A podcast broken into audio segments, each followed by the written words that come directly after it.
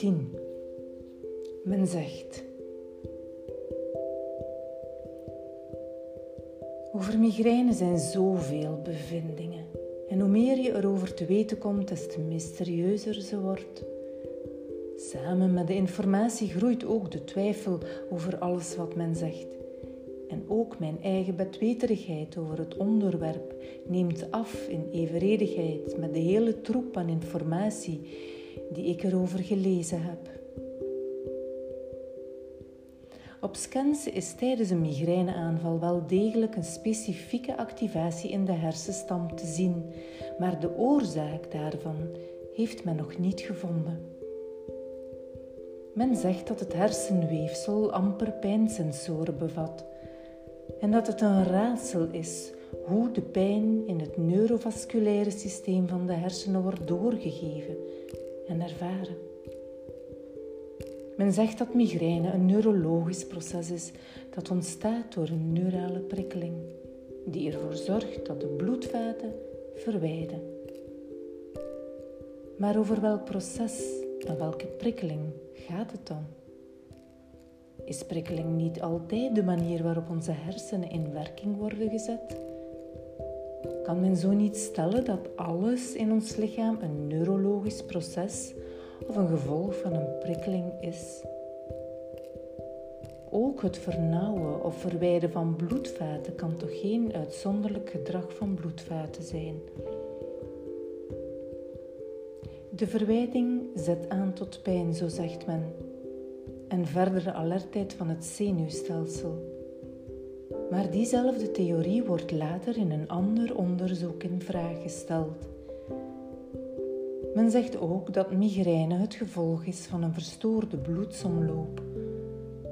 Daarbij wordt aangehaald dat ontstekingen de belangrijkste stimulans vormen bij het ontstaan van de pijn. De spasmen van de aders in de hersenen de vasolidatie zouden bepaalde substanties met zich meebrengen die op hun beurt de ontstekingen zouden bevorderen die de pijn veroorzaken.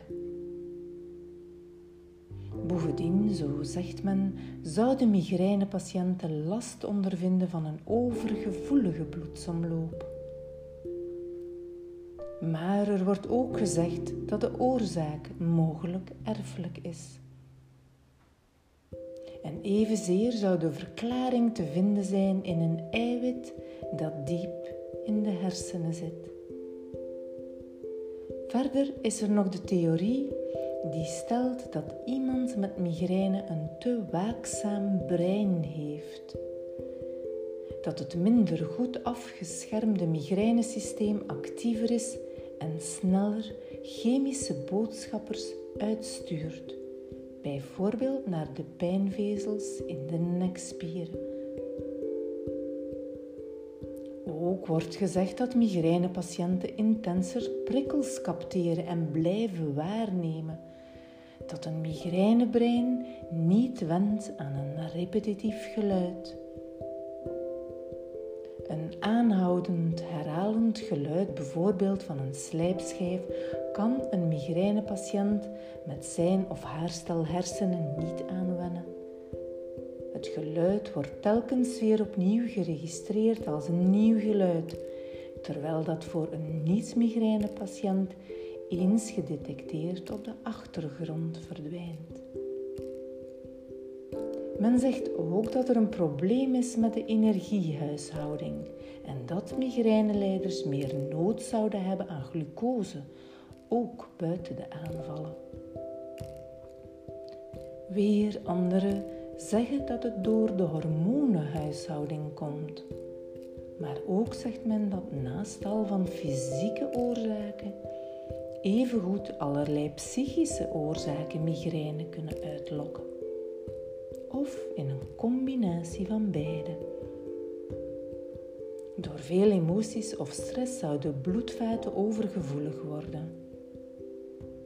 Overgevoelige bloedvaten, stress en emoties zouden dan bloedplaatjes doen samenkleven.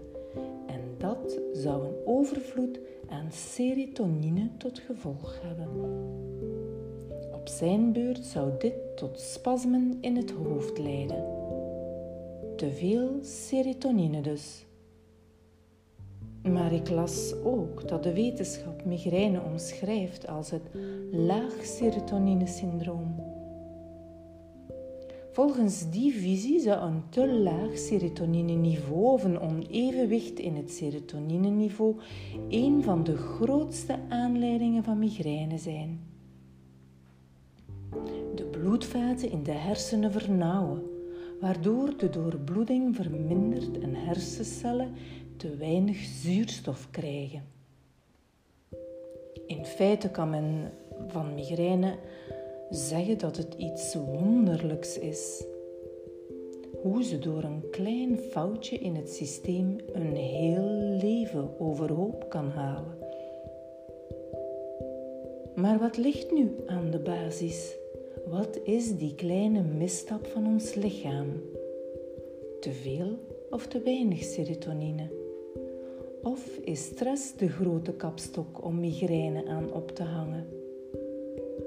Maar waarom kleven de bloedplaatjes van mijn goede vriendin Hilde dan niet samen, wanneer ze met de boekhouding van de school waarvoor ze werkt niet klaar geraakt? Het stressmechanisme is al een moeilijk te begrijpen systeem.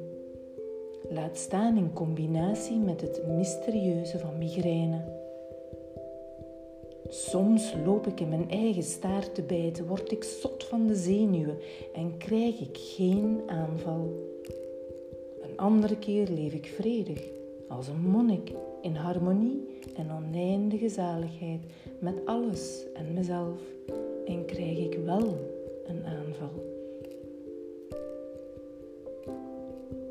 Wellicht interfereren triptanen in het chemische proces van de neurotransmitter serotonine Triptanen zijn selectieve serotonine of 5-hydroxytryptamine, 5-HT. Sumatriptan, C14, H21 en 3O2S jongleert en coupeert in een chemische interventie een aanval. Zoekend naar informatie speelde ik soms voor chemicus. Ver raakte ik daar niet mee. Maar daar hoef ik toch niet verlegen om te zijn, want ik ben geen chemicus en migraine en soortgenoten zijn tenslotte echt geen makkelijke kwestie. De neurotransmitter serotonine speelt onder meer een rol bij de verwerking van pijnprikkels. Dat herval van een aanval optreedt wanneer de werking afneemt en er veel minder formule in het bloed zit, lijkt mij niet onlogisch. Zou het kunnen dat net daarom bij gebruik van het medicijn opnieuw meer aanvallen voorkomen? Als er door triptanen, om een aanval te kopiëren met de chemie en de hoeveelheid van serotonine wordt gespeeld, maar uiteindelijk in de productie van het lichaam niets verandert in de chemie van het lichaam, dan kan het toch ook niet anders dan dat dat lichaam een nieuw tekort detecteert en daarop reageert. De medicatie geeft wellicht een serotonine boost en dat veroorzaakt nadien toch een tekort. Misschien moet het niveau van de serotonine bij een migrainepatiënt worden aangehouden. Maar dan kom je bij een antidepressivum uit, bij Redomex enzovoort. Men zegt ook dat migraine een optelsom van triggers is. De meeste patiënten nemen van dokters aan dat wij migraine krijgen ten gevolge van wat we eten, deden of zelfs dachten. Dat wij volop de triggers hanteren. Maar ik geloof eerder dat de triggers spelers van de migraine zelf zijn. Dat ze deel uitmaken van de ziekte. Is het niet mogelijk dat in de aanloop naar de aanval de chemie van het lichaam verandert? Dat door het tekort of te veel van iets de migraine in zijn aanloopfase zelf de triggers aantrekt? Is het niet mogelijk dat het de aankondigingsfase zelf is die ons triggert en ons gedrag verandert? In die fase zijn we onszelf kwijt. We doen, denken en eten anders, dat is waar. Maar waarom? Volgens mij is het de migraine zelf die ons triggert en provoceert en zijn wij het niet die een migraine triggeren door ons gedrag of door wat we eten enzovoort. Migraine steekt de draak met al die zogenaamde triggers. Een migraineaanval is naar mijn mening geen optelsom van triggers, maar een vervolg op die aankondigingsfase. Die bepaalde chemische en hormonale omstandigheid in de aanloop van een aanval stik ik bijna in mijn eigen stress als een dronkaard in zijn braaksel. Mijn naar binnen geslaagde woede zoekt een uitgang. Hoge golven spoelen aan en die tsunami is onmogelijk tegen te houden. De vele en gigantische tekorten rollen over mijn branding. Bloedvaat vernauwen en verwijden en hormonen dansen als verloren blaadjes in de wind. Ik ben een schip dat kantelt. Mijn zorgvuldig aangelegd wegdek van neuronen die van mij een beter mens willen maken, kunnen de pot op. Op dat moment zal alles mijn worst wezen. Alle spelregels zijn uit balans en eens te meer is niets in dit menselijk bestaan een afgeleid traject. Het onbewuste is ook een factor die als speler op het veld van de migraine wordt ingezet. Het onbewuste mist zijn doelen niet. Het kent de kaarten van de ziekte en weet daarop in te spelen. In al die gezegden zijn wij zieken een speelbal. We rollen mee in al die beweringen. In eindeloze onderzoeken, eindeloze vondsten, duizenden middelen, massa's welles en nietes. Onze gedachten volgen zigzaggend elk trackpad naar een mogelijke verklaring. We lopen mee met elke straathoekhelper en alle bedweters die altijd willen helpen. En jij, ziek wezentje met je naar binnen geslagen leven, wil ook alles geloven. Je wil uit dat zielige patroon geraken en alles uitproberen om er vanaf te zijn. Maar, zo zegt men, je lichaam kent zelf het antwoord, maar houdt het stoutmoedig, zo lijkt het wel, verborgen.